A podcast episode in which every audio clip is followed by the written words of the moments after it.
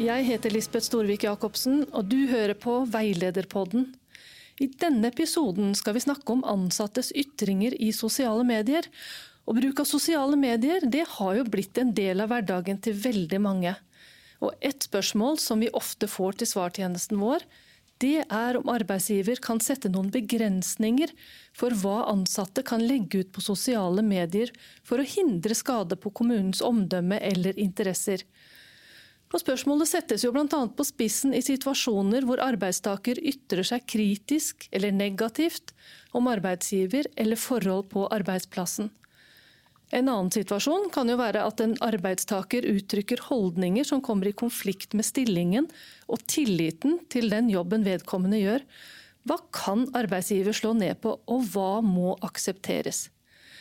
Jeg har fått med meg to erfarne jurister til å snakke om dette temaet i dag. Lene Sansolieu og Knut Fredrik Torne, varmt velkommen til dere to. Takk for det. Tusen takk. Og nå er jeg spent på hva dere to kan oppklare for oss. Ja, For oss jurister så er jo dette veldig spennende juss, da. Men eh, ikke minst så er dette et viktig tema som burde være av interesse for de fleste. Enten de er jurister eller ikke. Dette er et tema som alltid er aktuelt, og det er jo stadig nyhetsbilde på ulike områder. Og det er et område av jussen hvor mange tror veldig mye. Ja. Eh, og rettslig sett så bunner det her ut i et spørsmål om hvordan ansattes lojalitetsplikt overfor arbeidsgiveren sin skal vurderes opp mot ytringsfriheten som de ansatte har. Og det her er et ganske komplekst og vanskelig tema. Men vi skal trekke opp noen retningslinjer og komme med noen eksempler som kan veilede litt. Ja, hvor tenker du vi skal starte da, Lene? For å skape best mulig forståelse, så må vi få de rettslige rammene på plass først. Og da er vi nødt til å begynne i riktig ende. Det er ytringsfriheten som er utgangspunktet. Ytringsfriheten det er en helt grunnleggende menneskerettighet som gjelder for alle. Og den er beskytta både gjennom den norske grunnloven, den europeiske menneskerettighetskonvensjonen, altså EMK, og FNs konvensjon om sivile og politiske rettigheter. Ja, og Ytringsfrihet det er selvfølgelig et begrep alle har hørt om i mange sammenhenger. Men hva innebærer ytringsfrihet sånn helt konkret? Jo, ytringsfriheten den innebærer at jeg, som alle andre, har rett til å ha mine egne meninger, og jeg har også frihet til å dele meningene mine og opplysninger med andre. Og det gjelder helt uavhengig av hva jeg ønsker å si noe om, hvordan jeg vil si det eller uttrykke det, og helt uavhengig av hvilket medium jeg ønsker å uttrykke meg i. Og blant annet så har jeg full frihet til å ytre meg gjennom sosiale medier, som jo er fokus eh, i dag. Det kan jo være alt fra å poste egne innlegg på Facebook, Instagram, Twitter, til det å like eller kommentere på andres innlegg, eller det å dele andres innlegg på forskjellige sosiale plattformer.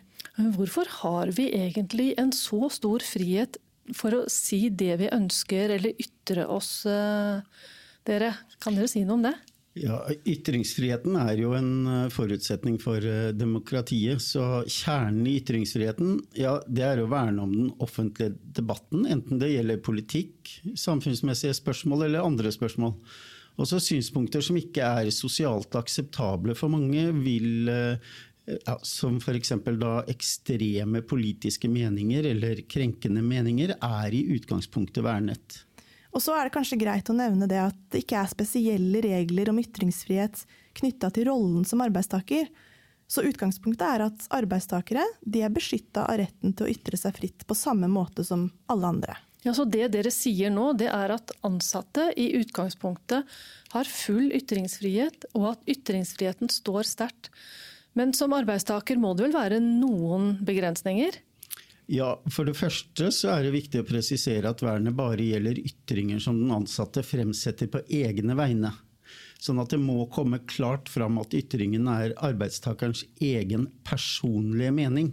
Sånn at det ikke fremstår som om arbeidstakeren ytrer seg på vegne av arbeidsgiver. For det er nemlig sånn at eh, arbeidsgiver, eller kommunen, har full råderett over hvem som skal uttale seg på eh, kommunens vegne. Så hvis f.eks. en ansatt poster et Facebook-innlegg med krass kritikk av et politisk parti, og det kan oppfattes som arbeidstakeren snakker på vegne av arbeidsplassen sin, eller med de i ryggen, så er dette noe kommunen kan slå ned på. Men det er ikke alltid så lett da, å vite om arbeidstaker snakker på egne vegne eller ikke. Nei, det er det ikke. Så det beste er hvis personen gjør det klart at ytringen på Facebook eller hva det måtte være, er en personlig mening. Hvis det er usikkert om uttalelsen til den ansatte er egne meninger, eller uttalelser på arbeidsgivers vegne, så må det avgjørende være hvordan uttalelsen kan oppfattes av allmennheten. Hvilke formuleringer som er brukt, og hvor nærme ledelsen den ansatte er, kan ha betydning i denne sammenheng. Ja, men dere, Er det virkelig sånn at så lenge det ikke er noen tvil om at ansatte snakker på egne vegne, så er alt greit? Nei, noen eh, begrensninger må de ansatte tåle, også når det gjelder ytringer på egne vegne. Eh, lovgivningen setter jo noen begrensninger for ytringsfriheten, f.eks. straffelovens bestemmelser om ærekrenkelser. Og så har vi ulike bestemmelser om taushetsplikt. Og dette er eh, begrensninger som, man, som gjelder for alle. Eh, og så er det en begrensning som gjelder spesielt for ansatte. Og det er et ulovfestet prinsipp om lojalitetsplikt i arbeidsforhold. Ja, akkurat. For lojalitetsplikt det må vi si noe mer om, for det er vel det som er midt i kjernen av temaet vårt i dag. Kan ikke du Lene, forklare oss hva som menes med den lojalitetsplikten? Eh, lojalitetsplikten innebærer at som ansatt så skal du opptre på en måte som ivaretar arbeidsgiveren din sine interesser. Det er en forutsetning for hele arbeidsforholdet. Og da kan den ansatte bli nødt til å passe litt på hva han eller hun sier. Ja, hva mener du med det egentlig? Hvis en ansatt ytrer seg illojalt overfor arbeidsgiver, altså at ytringen på sosiale medier kan ødelegge for arbeidsgiver på, på en eller annen måte, så kan det være et brudd på lojalitetsplikten. Og det igjen kan føre til at den ansatte får en advarsel, en oppsigelse eller i verste fall en avskjed. Ja, men hvis ytringen er vernet av ytringsfriheten, så vil ikke lojalitetsplikten være brutt. Da vil det heller ikke være lovlig å gi arbeidstakeren sanksjoner. Så det interessante her er å finne ut hvor grensen går mellom lojalitetsplikten og ytringsfriheten. Ja, helt riktig. Hva kan slås ned på som illojalt, og hva må arbeidsgiver rett og slett akseptere at ansatte ytrer seg om på sosiale medier? Og ikke overraskende, da, når vi befinner oss i jussens verden, så må det tas en helt konkret vurdering av den eller de ytringene som den ansatte kommer med. Ja, Det skjønner jeg at det, det må man, men, men fins det noen retningslinjer for en sånn type vurdering? Ja, vi har heldigvis noen retningslinjer som er skapt gjennom domstolspraksis og også uttalelser fra Sivilombudsmannen. For at en ytring skal være et brudd på lojalitetsplikten, så må ytringen medføre en åpenbar risiko for skade på arbeidsgiverens legitime og saklige interesser. Dette her er jo et veldig jussete begrep, og vi skal komme nærmere tilbake til hva det betyr. Men bare for å understreke. Terskelen er høy. Det skal generelt mye til for at hensynet til lojalitet overfor arbeidsgiveren skal kunne trumfe ytringsfriheten til den ansatte. Vi må huske på det at lojalitetsplikten det er et ulovfesta prinsipp, mens ytringsfriheten det er en menneskerettighet som er beskytta både av Grunnloven og EMK. Det er arbeidsgiver som må bevise at ytringen påfører eller kan påføre virksomheten skade. Jeg tror det hadde vært fint hvis vi fikk noen eksempler, sånn at det blir lettere å skjønne hva som ligger bak de her jussete begrepene som Lene nevner. Går det an å ta utgangspunkt i noen av de situasjonene som eh, går igjen i spørsmål som kommer inn til oss om det, Knut Fredrik? Jo, i en, en, situasjon som eh, går igjen, det er at uh, arbeidstakeren går ut i sosiale medier, f.eks. gjennom et Facebook-innlegg, med en eller annen form for kritikk eller anklage mot egen arbeidsgiver. Eh, F.eks. For i forbindelse med bygging av eh, nytt sykehus, nedleggelse av skoler, barnehager eller lignende. Og at arbeidstakeren er kritisk til prosessen og gir uttrykk for, eh, for det. Men hvordan skal en arbeidsgiver gå fram for å vurdere lovligheten av sånne ytringer? For jeg innbiller meg at det må være ganske vanskelige vurderinger å ta? Ja, For det første da så må ytringen ikke bryte med straffelovens bestemmelser eller innebære brudd på taushetsplikten. F.eks. så vil det ikke være greit å komme med taushetsbelagte opplysninger om enkeltpersoner. Og det kan jo arbeidsgiveren da slå ned på. Men hvis ikke ytringen bryter med loven, så blir det jo da et spørsmål om ytringen kan anses som brudd på lojalitetsplikten. Og da må det foretas en helt konkret vurdering av den ytringen arbeidstakeren har kommet med, og konteksten for øvrig. Altså helt konkret, Vil denne ytringen innebære en åpenbar risiko for skade på arbeidsgiverens legitime og saklige interesse? Og Da er det en del momenter vi kan se på for å nærme oss svaret på det. Ja, eh, innholdet er selvfølgelig viktig. Dreier det seg om helt grunnløse påstander eller grove beskyldninger, eller påstander som helt åpenbart er usanne, så vil det kunne være brudd på lojalitetsplikten. Og Så må man også se litt på omfanget av ytringer. Er det snakk om en enkeltstående ytring, eller er det gjentagende kritikk og anklager mot arbeidsgiver over lengre tid? Det noe, har det noe å si hva slags, eh, hvordan man sier det, altså formen på det som blir sagt? Ja, formen på det den ansatte ytrer seg om, det vil også kunne være et moment, i hvert fall. Det er klart at helt usaklige og harselerende uttalelser det kan jo lettere innebære et brudd på lojalitetsplikten enn uttalelser som har mer saklig preg. Så er det kanskje noen som spør seg om det å komme med kritikk mot arbeidsgiver via sosiale medier er saklig i det hele tatt. Og her vil det være av betydning eh, om arbeidstakeren har prøvd å ta opp saken med arbeidsgiver gjennom interne kanaler først, og om arbeidstaker har vist eh, konstruktiv vilje til dialog og samarbeid med arbeidsgiver før personen går ut i sosiale medier. Altså Man må se litt på prosessen i forkant, hvordan den har vært. Ja, Så må man se på i hvilken grad eh, tilliten eventuelt eh, i den videre arbeidsutførelsen vil være brutt. Både tillit fra arbeidsgiver, eh, men også fra omverdenen. Spesielt så må man se hen til hvilken stilling og funksjon denne arbeidstakeren har. Og da kan man si at Jo høyere opp i hierarkiet, desto større tillitsbrudd kan det være. Og Hva oppfattes å være formålet med ytringen? Har man en personlig agenda? Eller er det en informasjon som er viktig for eh, offentligheten? Mm. Og til slutt så må vi ikke glemme at eh, arbeidsgiver kan gripe inn hvis det fremstår som at uttalelsen er et uttrykk for arbeidsgivers oppfatning, og det ikke stemmer. Ja, her kan jeg ta et lite eksempel. Eh, det er som en saksbehandler i helsetjenesten går ut og kritiserer kommunen i utbyggingen av et stort hyttefelt. Så vil han kunne det så lenge kritikken er saklig og ikke harselerende eller et direkte personangrep. Men det vil kunne stille seg annerledes dersom det er en leder i helse- og omsorgstjenesten, altså som sitter i rådmannens ledergruppe, som kommer med en tilsvarende kritikk. Her blir kanskje da nærheten til kommunens ledelse for tett. Ja, og Nå har dere altså tatt fram en del viktige momenter som må vurderes for å lande på om lojalitetsplikten er brutt eller ikke. Og Jeg skjønner jo at man kommer ikke unna denne vurderingen. Men går det an å si noe generelt om adgangen til å kritisere egen arbeidsgiver i sosiale medier? Ja, Det skal mye til før grensene for den ansattes ytringsfrihet er overskredet. Så lenge ytringen er uttrykk for arbeidstakerens egne oppfatninger, så vil det vanligvis være lovlig.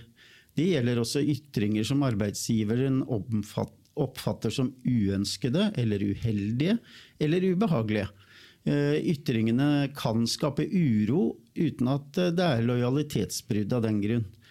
Offentlig ansatte har et vidt spillerom, både i form og innhold, for offentlig å gi uttrykk for sin mening, også om eh, eget arbeidsområde og egen arbeidsplass så er det jo flere som stusser over at det er såpass fritt fram for ansatte til å ytre seg kritisk. For det kan jo ofte framstå som usolidarisk og, og skape mye uro, som du sier, Knut Fredrik. Men, da, men da må vi jo ikke glemme da, de viktige hensynene som ligger bak. Nei, det, det, er helt riktig. Eh, det at ansatte har en såpass vid adgang til å ytre seg, det henger jo sammen med at ansatte vil kunne ha spesiell kompetanse, innsikt og erfaring knyttet til arbeidsforholdet. Og det vil jo ofte være nettopp i egenskap av å ha denne førstehåndskunnskapen om området at den ansattes ytringer har betydning i den offentlige debatten. Så ansattes ytringsfrihet kan også bidra til å motvirke og avdekke ulovlige eller kritikkverdige forhold. Altså det jeg hører at dere sier nå, det er at den vide adgangen for ansatte til å si sin mening, det er faktisk viktig for demokratiet vårt. Ja, så absolutt. Og så er det et viktig poeng.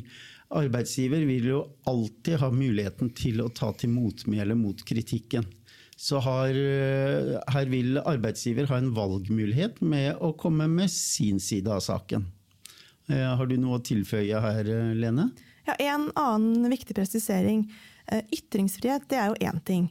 Men noe annet er jo den plikten ansatte har til å gjøre jobben sin i tråd med arbeidsavtalen. Den ansatte kan jo f.eks. ikke nekte å innrette seg etter et vedtak kommunen har fatta. Samme hvor uenig den ansatte er i det vedtaket med en gang den ansatte begynner å forsømme arbeidspliktene sine, så kan det danne grunnlag for sanksjoner. For det er ikke noe som er verna av ytringsfriheten. Hvis det er sånn at en ansatt ikke helt klarer eller ønsker å, å innfinne seg og, og, gjøre det man skal på jobben, så, så, så, må man kanskje heller vurdere å finne seg en annen jobb. Ja, har, det var et veldig spenstig poeng du har der, Lene. Um, men nå har vi sett på problemstillinger der arbeidstaker ytrer seg kritisk om arbeidsgiver. Er det andre situasjoner der forholdet mellom ytringsfriheten og lojalitetsplikten kan settes på spissen? Eh, en annen situasjon er at arbeidstaker gjennom sosiale medier eh, viser holdninger som kan tilsi at personen ikke er helt skikka til å mm. stå i stillingen sin. Altså, en ytring som kommer i, i fritida, Eh, og som ikke har noe direkte med arbeidsgiver å gjøre, men der ytringen i seg selv kan være skadelig for arbeidsgiver på en eller annen måte. F.eks. At, uh, i forbindelse med at arbeidstaker kommer med høyreekstreme meninger. Og Utgangspunktet her er jo at ansatte kan ytre seg fritt om hva som helst i fritida si. Og det å mene noe om politikk og samfunnsspørsmål det ligger i kjernen av ytringsfriheten. Men lojalitetsplikten i arbeidsforhold den kan sette en begrensning hvis den ansatte ytrer seg på en måte som gjør at tilliten blir helt brutt. Og for å vurdere det, så må ytringen ses opp mot de arbeidsoppgavene som den ansatte utfører, eller de kravene som ligger til den spesielle stillingen. Ja, akkurat. Så det, det, som den ansatte gjør på fritiden, det kan også begrenses. Har du noen eksempler eh, som er illustrerende for sånne situasjoner? Ja, jeg har litt uh, forskjellige eksempler. Uh, og da tenkte jeg å ta noen konkrete saker fra rettsapparatet og Sivilombudsmannen for å belyse litt ulike sider ved det her. Og da begynner jeg med en eldre høyesterettsdom som er helt tilbake Ja, han er fra 1982. Og det var jo så klart lenge før sosiale medier. Men denne dommen trekker opp noen viktige prinsipper for den situasjonen vi snakker om nå. Og saken her gjaldt en lektor ved en videregående skole som hadde fått avskjed pga. ulike uttalelser han kom med om rasespørsmål og jødeforfølgelse. Blant annet så hadde denne lektoren i undervisningssituasjonen sådd tvil om det faktisk hadde skjedd noen gasskammerutryddelse av jøder under andre verdenskrig. Og Høyesterett kom til at det her var en gyldig avskjed. Og hovedbegrunnelsen det var at lektoren her helt klart hadde brutt arbeidsavtalen sin ved å komme med sånne type uttalelser i klasserommet. Men du Lene, kom ikke Høyesterett med en del eh, viktige uttalelser om lærerens ytringsfrihet utenom arbeidssituasjonen i denne saken? Ja, og det er kanskje det mest interessante med den dommen her. For det Høyesterett sier er det skal mye mer til før en lærers ytringsfrihet kan innskrenkes utenom arbeidssituasjonen. Hva som sies og gjøres i fritida, det er i utgangspunktet opp til den enkelte. Men det må være visse grenser for hva en lærer kan si i offentligheten. For hvis uttalelsene er egnet til å, til å bryte ned det omdømmet og den tilliten som det er nødvendig at en lærer har, så vil ikke de uttalelsene være verna av ytringsfriheten. Den type ytringer vil kunne få konsekvenser for arbeidsforholdet. Og Høyesterett presiserer at det ikke bare er lærere som har et særlig ansvar, men også andre yrkesgrupper. Både i offentlig og privat sektor. Ja, så Noen yrkesgrupper har altså et særlig ansvar, og det gjelder ikke bare lærere, sier du. Eh, men vi har en nyere uttalelse fra Sivilombudsmannen fra 2018 som vel også gjaldt en lærer, men hvor læreren bare hadde ytret seg på privaten, stemmer ikke det? Jo, det stemmer. Eh, den saken gjaldt en eh, ungdomsskolelærer som fikk en skriftlig advarsel fra kommunen pga. en kommentar som hun hadde skrevet på Facebook i fritida si. Det var et bilde av eh, Sylvi Listhaug og samfunnsdebattant Sumaya Jirde Ali med en påstand om at Listhaug og Ali ble forskjellsbehandla i media. Og I en kommentar til dette bildet her så skrev læreren Fjern bildet til venstre, vær så snill! Utropstegn, utropstegn. Jeg blir dårlig av den skapningen. Og bildet til venstre, det var av Ali. Kommunen mente at en sånn kommentar innebar et brudd på, på opplæringslovens formålsparagraf om det å respektere menneskeverdet og fremme demokrati og likestilling. I tillegg så mente kommunen at eh, den måten læreren kommuniserte på her, viste manglende forståelse for lærerrollen. Læreren selv mente at advarselen var et inngrep i hennes ytringsfrihet. Ja, da er jeg veldig spent på Hva sa ombudsmannen om den situasjonen der? Ombudsmannen trakk fram at denne kommentaren først og fremst framsto som en politisk uenighet med Ali. Men den var likevel mer retta mot person enn mot sak. Sånn at objektivt sett så kunne kommentaren gi uttrykk for, for motstand mot muslimer generelt. Men det ombudsmannen mente var viktig her, var at det var ingenting som tilsa at denne læreren ikke hadde opptrådt eh, tillitsvekkende i undervisningssituasjonen, i motsetning til hva som var tilfellet i lektordommen. Eh, det var ikke kommet inn noen klager fra verken elever eller foreldre, og det var da det viktigste, sier ombudsmannen, ikke hvordan omverdenen for øvrig oppfatta den kommentaren. Eh, ja, Betyr det at hvis det da hadde kommet klager fra elever eller foreldre, og elever fremsto som utrygge og redde for forskjellsbehandling, så kunne dette ha blitt vurdert annerledes av ombudsmannen? Ja, det, det er jo mye mulig. Eh, og når det gjaldt eh, opplæringslovens formålsparagraf, som kommunen mente at læreren hadde brutt, så viste ombudsmannen til at den først og fremst gjelder i lærergjerningen, ikke på fritida. Og derfor var ikke det i seg selv noe grunnlag for illojalitet. Så etter en konkret vurdering her, så kommer Eh, til at eh, det ikke var grunnlag for å gi denne læreren en advarsel.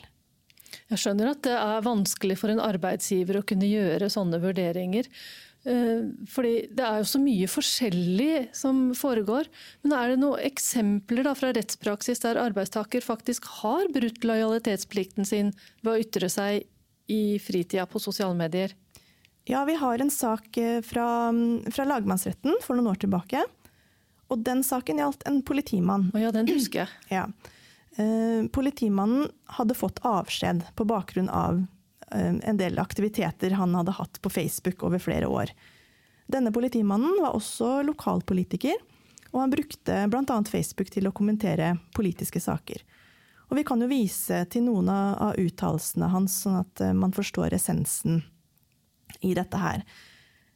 Hadde man hørt på Carl I. Hagen for mange år siden, hadde ikke Oslo vært rasert nå. Så valgte sosialistene sin tåpelige snillisme og slapp inn masse folk, deriblant masse voldsmenn og kjeltringer uten snev av tanke om integrering. Ja, et eh, annet friskt innlegg fra denne politimannen, det var hvordan ser man at en muslim har sneket seg inn i himmelen? Jo, tyren, væren, løven og steinbukken Bukken er halalslaktet, skytten er likvidert, vekten er stjålet, jomfruen og tvillingen er voldtatt, og Karlsvogna mangler fire felger. Det er ganske drøyt. Ja. Eh, og et siste eksempel. Våren er kommet og asylsøkerne begynner å sykle langs veiene igjen. Pass godt på så du ikke kjører på dem. Det kan være din sykkel. Ja, så, så dette her er jo bare et lite utvalg av mange innlegg i samme gate. Og I tillegg så delte han en, en rekke innlegg og lika mange innlegg i samme sjanger. Og Lagmannsretten tar da en vurdering av om avskjed var saklig. For det første så vises det til at de ytringene her de kunne ikke anses som saklige innlegg i en debatt om innvandring og religion. Her var det rent usaklige, harselerende ytringer som på ingen måte kunne bidra til en opplyst debatt om innvandring. Og så var det et stort omfang av innlegg. Og de viste også til at eh, innholdet her det var stor spredningsfare. Eh, han lukka jo etter hvert Facebook-profilen sin, men han hadde jo fortsatt 2000 eh, venner. Så det er klart at det han la ut, det nådde ut til veldig mange. Og så var det da en fare for identifikasjon med arbeidsgiver her. Fordi mm, denne politimannen han la ut eh, bilde av seg selv på Facebook i politiuniform. Så det var jo godt kjent for alle at, at han var politimann. Var det at han var politi noe som var spesielt viktig i den saken? Ja, da er vi over på, på, det helt avgjørende elementet som retten legger stor vekt på. Og det er jo nettopp, som du sier, Lisbeth, det er mm. stillingens karakter. Er du politimann, så stilles det krav om tillit. Politiet er samfunnets maktapparat, og det er selvfølgelig helt avgjørende med tillit til at det samfunnsoppdraget blir utført på en måte der hvor alle behandles likt, helt uavhengig av etnisitet, religion og osv. Og I dommen så, så, vises det til en melding som kom inn til eh, politistasjonen, hvis jeg husker riktig, som jeg syns uh, illustrerer den brutte tilliten veldig godt. Da var det en som skrev det føles ekstremt ubehagelig å forholde seg til Y politistasjon når man vet at en anmeldelse kan havne på hans skrivebord. Det gir meg et ubehag bare ved å gå inn der. Ja, så er det et annet poeng eh, som er viktig når vi har fokus på dette med sosiale medier. og Det er at uh, politimannen anførte at sjargongen på Facebook er røff og grovkornet. Og at dette uh, må tillegges vekt med den konsekvens at ytringsrommet blir større. Uh, retten var ikke enig i dette. De kravene som man må stille til politifolks atferd, er ikke annerledes på Facebook enn i andre sammenhenger der de ytrer seg overfor et større publikum. Akkurat. Mm. Riktig. Og rettens konklusjon da, den ble kanskje ikke overraskende at denne avskjeden var saklig. Her hadde arbeidstakeren gjennom ytringene sine brutt ned den tilliten som det er helt nødvendig å ha som polititjenestemann. Mm. Ja, så gjaldt jo saken her en, eh, en, politimann, men prinsippene ville jo da være overførbare til andre yrkesgrupper. F.eks. innen helse, så hvis man er ansatt som jobber med muslimske brukere, og så kommer man med sterke høyreekstreme ytringer på privaten, så kan det innebære en frykt for brukerne, som igjen kan innebære at man ikke anses som skikket til jobben. Mm, skjønner det, men hvis vi går tilbake til den læreren vi snakket om i stad. Eh, ja. Eh, den, hun som hadde lagt ut melding på, ja. på Facebook. Eh, hvis uttalelsene til den ungdomsskolelæreren hadde vært grovere, altså enda mer usaklig, enda mer harselerende, så de, da, så de da medførte en uro eller redsel eller bekymring da, hos både elever og foreldre, mm. så kunne jo det vært vurdert annerledes. Da hadde man vært nærere opp til den politimannssaken. Ja, ikke sant? Ja, også, også, for ansatte innen barnevernstjenesten så vil de samme betraktningene som vi nå har vært inne på, kunne komme inn og gjøre seg gjeldende. Ja, nå lurer jeg på om vi skal forsøke å samle trådene litt, eh, litt for nå har dere vært gjennom veldig mye. Men dere går det an å oppsummere såpass enkelt som det her? Altså at ytringer som ikke er omfattet av taushetsplikt, og som i hovedsak gir uttrykk for en arbeidstakers egne oppfatninger, det vil det vanligvis være anledning til å komme med. Og at det er arbeidsgiver som må bevise at begrensning i ytringsfrihet er lovlig. Er det ganske greit oppsummert? Ja, absolutt. Mm. Og så helt til slutt så er det én ting som arbeidsgiver må huske på, og det er at det er, det er ingen fri adgang til å regulere hva en ansatt har lov til å si eller ikke. Eh, det er eksempler på at kommunene lager interne regelverk om ansattes rett til å ytre seg offentlig, som går for langt i det å sette begrensninger i ytringsfriheten. Akkurat. Og et annet eksempel er at de tar inn tilsvarende bestemmelser i arbeidsavtalen. Man kan godt presisere og utdype hva som ligger i lojalitetsplikten, men dette kan ikke gå lenger enn det som er lovlig. Ja. Altså det vi har snakka om nå. Ja, det vi har snakka om nå. Oi, ja det her var eh, Det er ganske heftig, og det er mye finjus inni her. Men tusen hjertelig takk for eh, at dere ville være med meg og prøve å opplyse det her. Tusen takk. Ja, takk for nå. Takk for nå.